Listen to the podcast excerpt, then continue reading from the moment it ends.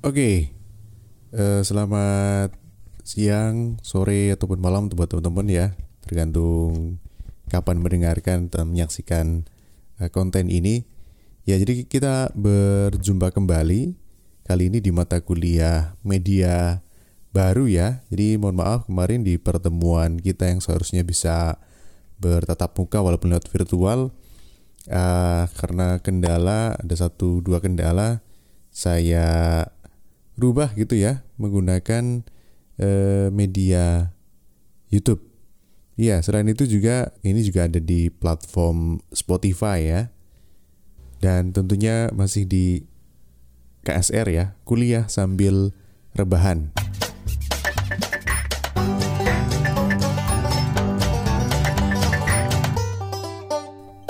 Oke, baik teman-teman. Uh, di episode pertama di mata kuliah New Media ya sesuai dengan RPS yang sudah saya jelaskan pada pertemuan pertama. Jadi di di pertemuan kedua ini kita akan membahas ya sedikit tentang apa sih new media gitu ya. Mungkin uh, new media ini bukan kata yang asing ya. Ini apalagi teman-teman sebagai generasi milenial ya, Gen Z yang hidup uh, dan dibesarkan di era digital ya tentu ini nggak asing ya buat teman-teman gitu. Nah kalau kita bicara tentang new media maka mungkin terbersit di benak kita. Kalau ada new media berarti ada old media kalau gitu ya. Kalau ada media baru berarti ada media lama gitu. Nah itu kita lihat ya. Jadi kalau kita sempat pelajari dulu ya di mata kuliah mungkin yang lain gitu eh, Fred Rogers itu pernah menjelaskan gitu ya bagaimana perkembangan media komunikasi paling tidak itu dibagi dalam empat era gitu ya.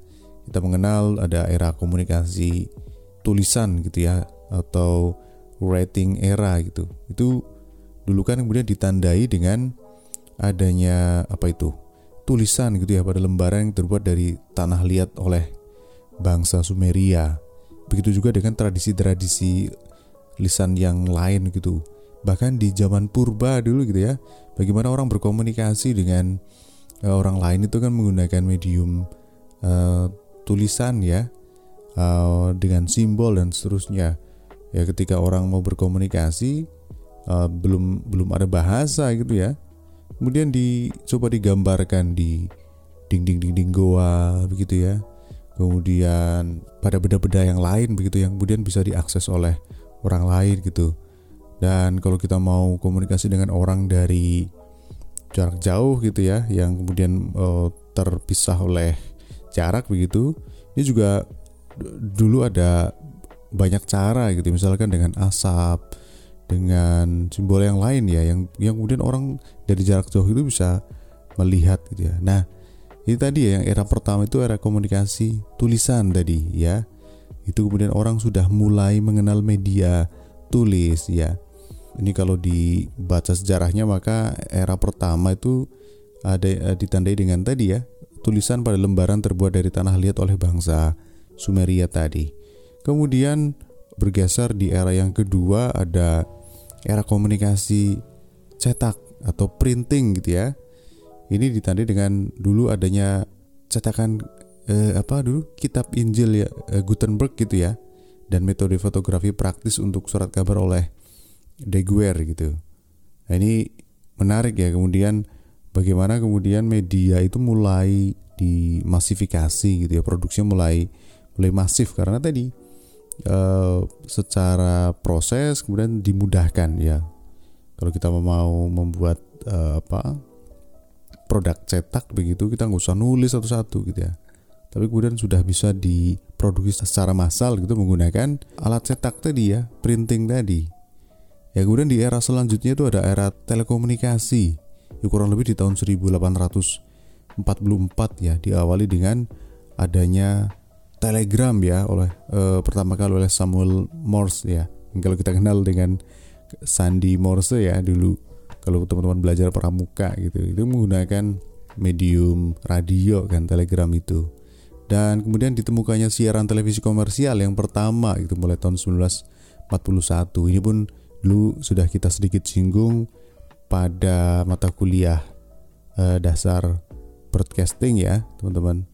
Nah, di era yang keempat ini menurut Rogers gitu ya, ini muncul era komunikasi interaktif ya. Ini mulai tahun 1946 ya dengan lahirnya produk komputer pertama di Universitas Pennsylvania, kemudian diikuti dengan kemunculan internet. Oke, okay, uh, eh, selain itu juga McWell gitu ya membagi enam tahapan proses sejarah media. Antara lain yang pertama itu tahun 15 Masehi gitu, kita menemukan adanya buku dan perpustakaan ya di mana buku ini untuk pertama kali itu menjadi alat publikasi ya di tahun uh, 15 Masehi. Nah, tahap kedua ini kemudian adalah terciptanya media cetak yaitu koran yang dapat menyajikan informasi terkini secara instan. Ya ini menurut Macwell ya. Tahapan yang ketiga ini kemudian muncul uh, film ya. Film hadir ya kemudian dengan memakai pita ya seluloid. Pada awalnya film hanya dianggap sebagai hiburan semata ya, namun uh, seiring berjalannya waktu film kemudian menjadi penting posisinya sebagai media massa. Ya bagaimana kemudian dulu film dijadikan sebagai media propaganda dan juga media informasi juga dulu ya. Kemudian uh, di tahap keempat inilah penemuan teknologi penyiaran ya berupa televisi dan radio. Lebih dari film, sistem penyiaran ini kemudian melibatkan teknologi yang beragam dan kompleks. Kemudian di tahap ke-5 ini ada perkembangan teknologi musik ya dari dulu dikenal fonogram ya beralih menjadi pita kaset.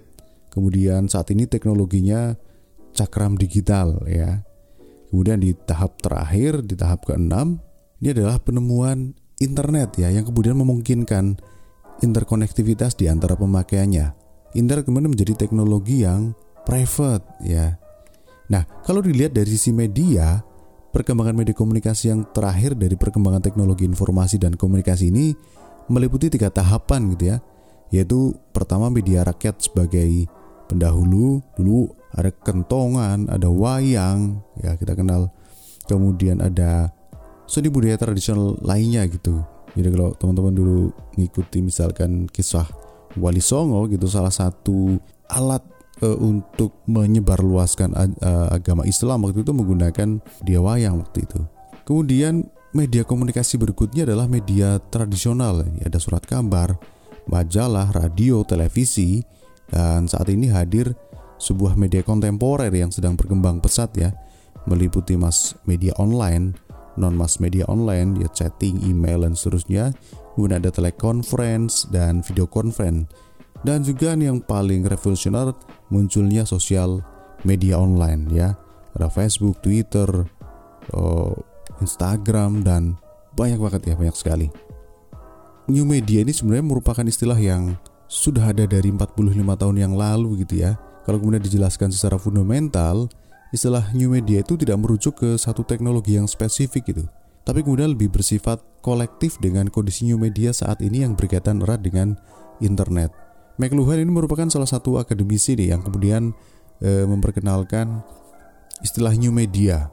Tapi kemudian kalau menurut Mike e, Luhan itu e, new media yang dimaksud itu tidak sama dengan new media yang dikenal sekarang gitu. Jadi new media yang dimaksud adalah perkembangan teknologi komunikasi yang kemudian dalam sejarahnya telah memperluas jaringan komunikasi bagi manusia. Bagi McLuhan ini perkembangan tersebut berpuncak pada era media masa modern. Ya, di sisi lain kemudian McLuhan juga menggunakan istilah new media ini untuk mengartikan sesuatu yang mirip dengan yang dimaksud new media di bahasa ini. Jadi, teknologi komunikasi baru yang menghasilkan efek budaya yang luas gitu ya, kemudian sulit diprediksi dan e, mengganggu serta mengubah dinamika hubungan manusia. Ya kemudian sejak e, masa McLuhan ya kemudian setelah new media ini muncul dan bertahan serta kemudian memiliki berbagai definisi ya sesuai dengan konteks penggunaannya. Ya seperti yang kemudian pernah e, dijelaskan pada Encyclopedia of New Media jadi nggak ada satupun jawaban yang pasti mengenai definisi new media, ya. Bahkan apa yang disebut dengan media lama atau media tradisional itu dulu pernah disebut sebagai new media gitu. Jadi media yang baru pada masa itu yang menggantikan media sebelumnya itu disebut media baru atau new media. Tapi kemudian setelah berjalannya waktu muncul media yang lain yang dianggap lebih baru, maka new media yang tadi yang sebelumnya media baru itu menjadi media lama karena kemunculan media yang lebih baru lagi gitu ya. Nah, tapi kemudian new media ini secara konsisten terus berubah dan berkembang. Nah, jadi apa sih sebenarnya yang disebut new media ya kalau tadi disebutkan tidak ada definisi yang pasti maka kita coba akan melihat definisi new media dari banyak ini ya eh, tokoh begitu kalau yang pertama ini dari Robert Callaghan ya ini salah satu buku yang menjadi buku wajib rujukan teman-teman ya kemarin saya sudah tuliskan di RPS begitu. Jadi menurut Logan ini media baru itu mengacu pada media digital yang interaktif yang kemudian menggabungkan komunikasi dua arah dan melibatkan beberapa bentuk komunikasi. Ya ini juga sejalan dengan pemikiran dari Ronald Resch yang mendefinisikan new media itu sebagai teknologi komunikasi yang memfasilitasi dan memungkinkan untuk terjadinya interaktivitas antar pengguna dan interaksi antara pengguna dan informasi. Ya, jadi ada interaksi dua arah begitu ya. Nah, interaktivitas di sini itu merupakan karakteristik dari sebagian besar new media. Jadi new media yang muncul sekarang itu salah satu karakteristik terbesarnya itu adalah tadi gitu ya, interaktivitas. Jadi kata kuncinya, salah satu kata kuncinya adalah interaktivitas. Nah, gagasan yang tergantung dalam definisi tersebut adalah para pengguna dapat menggunakan teknologi informasi yang ada untuk memproduksi dan mendistribusikan konten multimedia secara online. Termasuk di dalam itu ada video, foto, teks, dan suara gitu ya interaktivitas ini tuh diyakini sebagai kunci dari new media yang berkembang saat ini gitu. Ya, jadi kalau sebelumnya definisi media ini belum punya parameter begitu ya apa sih yang disebut dengan new media apakah kemudian media itu media yang muncul belakangan itu disebut media baru atau seperti apa maka ini tadi ya kata kunci interaktivitas ini tuh menjadi salah satu parameter dari new media tadi kemudian kehadiran new media seperti internet itu memunculkan model komunikasi masa baru ya di mana sebelumnya berupa one to many gitu ya, menjadi many to many. Ya dulu kan dari satu produsen ke banyak halayak. Sekarang siapa saja itu bisa memproduksi informasi yang kemudian disebarkan untuk makin banyak orang. Maka kembali tadi ke Logan gitu ya. Media baru itu sangat mudah diproses, disimpan, diubah, diambil kembali, di hyperlink, dan yang paling radikal itu mudah dicari dan diakses. Ya, mudah diproses misalkan kalau dulu untuk membuat sebuah informasi misalkan media cetak gitu ya. Itu perlu proses yang cukup panjang di mana si wartawan atau si pencari berita ke lapangan, kemudian kembali ke redaksi untuk menuliskannya, kemudian ada proses redaksi di situ, diolah, di layout sedemikian rupa, kemudian masuk ke proses cetak, ada pendistribusian dan seterusnya. Prosesnya itu sangat panjang. Beda dengan sekarang gitu, sangat sangat cepat sekali. Ya ketika kita sebagai produsen informasi misalkan punya informasi baru, kita bisa langsung menuliskannya, kemudian juga langsung bisa mendistribusikannya. Kemudian tadi ya menurut Robert Colligan itu media baru sangat selain mudah diproses juga mudah disimpan gitu karena tadi bentuknya digital yang kemudian ini memungkinkan adanya kompresi yang sedemikian rupa gitu ya. Kalau dulu baca berita satu bulan itu numpuk ya eh, korannya satu tumbuk sendiri gitu ya. Kalau sekarang enggak kan, cukup di satu device semuanya tersimpan di situ, mudah disimpan. Kemudian mudah diubah. Ini yang kemudian memunculkan fenomena yang sekarang eh, ada hoax dan segala macam ya. Karena mudah diubah. Ya orang itu bahkan bisa memanipulasi gitu kan. Kemudian bisa juga diambil kembali ya apa yang sudah di sebarkan itu bisa ditarik kembali oleh si produsen tadi. Beda kalau koran gitu. Anda bisa bayangkan kalau koran itu sudah disebar gitu. Gimana kemudian kalau ada, ada yang salah, perlu diralat dan seterusnya. Apakah kita satu-satu pergi ke rumah orang yang berlangganan koran tadi atau seperti apa? Ini berbeda dengan media baru ya, media digital gitu. Ya kita bisa kemudian merevisinya gitu ya dan mendistribusikannya kembali. Kemudian media baru itu oh, mudah untuk di hyperlink. Nah, ini juga salah satu kelebihan gitu ya di media baru. Bagaimana distribusinya itu bisa uh, di hyperlink ya, artinya bisa ditempelkan di media yang lain. Kan sering kita lakukan gitu ada ada berita bagus nih dari di salah satu media. Kita pengen share nih lewat Twitter kita atau lewat Facebook ya, lewat Instagram misalkan. Di hyperlink ya. Dan tadi yang terakhir yang paling radikal itu mudah dicari dan diakses gitu karena semuanya saling terkoneksi. Saling terkoneksi dengan adanya internet itu semua media itu saling terkoneksi. Ya, jadi mudah dicari, mudah dicari dan diakses bahkan free atau gratis selama kemudian kita terkoneksi dengan internet. Ini pendapat dari Logan ya. Pendapat lain juga ada dari Lev Manovic ya. Ini salah satu uh, apa tokoh yang bukunya juga kita rujuk ya di mata kuliah ini. Jadi Lev Manovic itu berpendapat bahwa new media itu adalah salah satu kegiatan yang dilakukan dengan menggunakan komputer ya. Sebagai contoh ini apabila kita memiliki teks dan kita distribusikan ke komputer yang menggunakan internet, situs web atau buku elektronik, hal tersebut itu bisa dikatakan sebagai new media. Ya, tetapi jika dalam kegiatan distribusi itu tidak menggunakan komputer, melainkan menggunakan kertas misalnya, maka hal itu tidak dapat dikatakan sebagai new media. Hal ini sejalan dengan pemikiran dari Janet Murray gitu, yang kemudian turut memberikan sedikit gambaran tentang istilah new media, yaitu sebuah e, representasi medium baru dalam bentuk medium digital. Jadi nyambung ya tadi dengan pemikiran Lev Manovic gitu. Lev Manovic sendiri menguraikan delapan kemungkinan konsep tentang media baru. Yang pertama adalah media baru versus budaya cyber gitu ya. Jadi kalau kita pahami bahwa cyber culture itu menyangkut hubungan antara manusia, komputer dan kepribadian yang dilakukan di dunia maya. Jadi eh, tradisi atau budaya yang muncul di dunia maya, dunia virtual itu adalah budaya cyber ya atau cyber culture itu sangat terkait dengan media baru ya. Kemunculan media baru itu memunculkan adanya cyber culture gitu.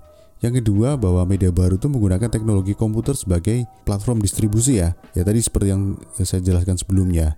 Kemudian media baru sebagai data digital yang dikendalikan oleh perangkat lunak. Ya jadi untuk kemudian membuat uh, medium digital atau uh, data-data digital itu kemudian kita memerlukan perangkat lunak ya.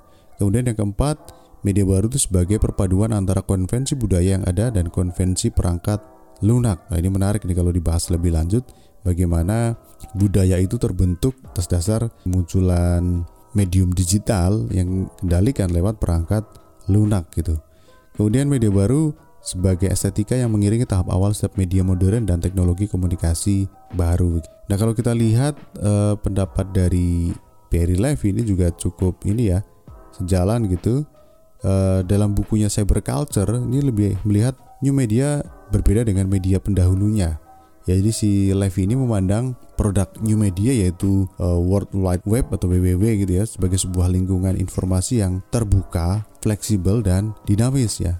Jadi uh, hal ini memungkinkan manusia untuk mengembangkan orientasi pengetahuan yang baru, kemudian melibatkan ke dalam dunia yang lebih demokratis gitu ya, dan pemberian kuasa yang lebih interaktif gitu. Jadi dunia maya itu memberikan tempat pertemuan semua yang dapat memperluas dunia sosial, menciptakan pengetahuan baru dan tentunya menyediakan tempat berbagi secara luas gitu ya. Nah kalau tadi kita lihat uh, urean dalil ya Manovic, jadi kalau kita pahami bahwa uh, Manovic itu memandang karakteristik new media itu lebih mengarah pada teknologi informasi dan komunikasi yang berkembang gitu ya. Di mana pada dasarnya sebelum munculnya internet, komputer itu hanya punya fungsi sebagai alat hitung saja. Baru kemudian setelah mengalami perkembangan teknologi informasi dan komunikasi, muncullah fungsi-fungsi lain dalam komputer, tapi masih bersifat sistematis gitu ya. Jadi masih banyak sekali ya pengertian atau definisi dari new media dari banyak ahli. Nanti teman-teman silahkan bantu saya juga menginventarisir gitu ya pendapat-pendapat dari para ahli eh, terkait dengan new media tadi. Jadi apa sih new media itu gitu ya jadi bisa disimpulkan bahwa yang pertama new media itu berbentuk digital gitu ya media-media yang kemudian di, dibentuk uh, atau kemudian didistribusikan juga diproduksi uh, menggunakan medium digital ya. Kemudian multimedia. Kenapa multimedia? Karena terdiri dari banyak media begitu ya, multimedia. Ini sejalan dengan konsep konvergensi. Ya, konvergensi di mana tadi beberapa media bisa disatukan dalam sebuah platform gitu ya konvergensi itu ibaratnya begini kalau dulu kita mau baca koran ya kita beli koran gitu ya kita baca koran ya kita baca majalah gitu. Kalau kita pengen informasi audio ya kita akses radio. Kalau kita pengen menonton berita televisi ya maka kita nonton televisi. Kita pengen nonton film ya kita lihat ke bioskop begitu. Nah yang kemudian di era digital itu semua terkonvergensi ya. Tergabung dalam satu media ya dalam satu platform kita dalam satu device itu bisa melihat semuanya ya. Kemudian network komputer ya terhubung oleh komputer ya. Jadi saling terhubung antara satu orang dengan orang yang lainnya ya. Kira-kira itu ya teman-teman eh, penjelasan singkat tentang new media. Jadi kalau kita bahas lebih jauh itu banyak sekali sekali lagi definisi-definisi terkait dengan new media. Ya nanti tugasnya adalah teman-teman silahkan coba cari definisi-definisi lain terkait new media dan kemudian apa kira-kira perbedaan new media dengan atau media baru dengan media lama. Perbedaan paling mendasar yang kemudian teman-teman juga rasakan begitu ya. Gitu dulu teman-teman dari saya untuk pertemuan kali ini. Di pertemuan yang akan datang kita akan coba bahas terkait dengan software dan hardware serta networking. Oke, sampai jumpa kembali. Selamat siang, sore, ataupun malam gitu ya. Dan Assalamualaikum warahmatullahi wabarakatuh. Uh, ketemu lagi nanti ya di KSR kuliah sambil rebahan.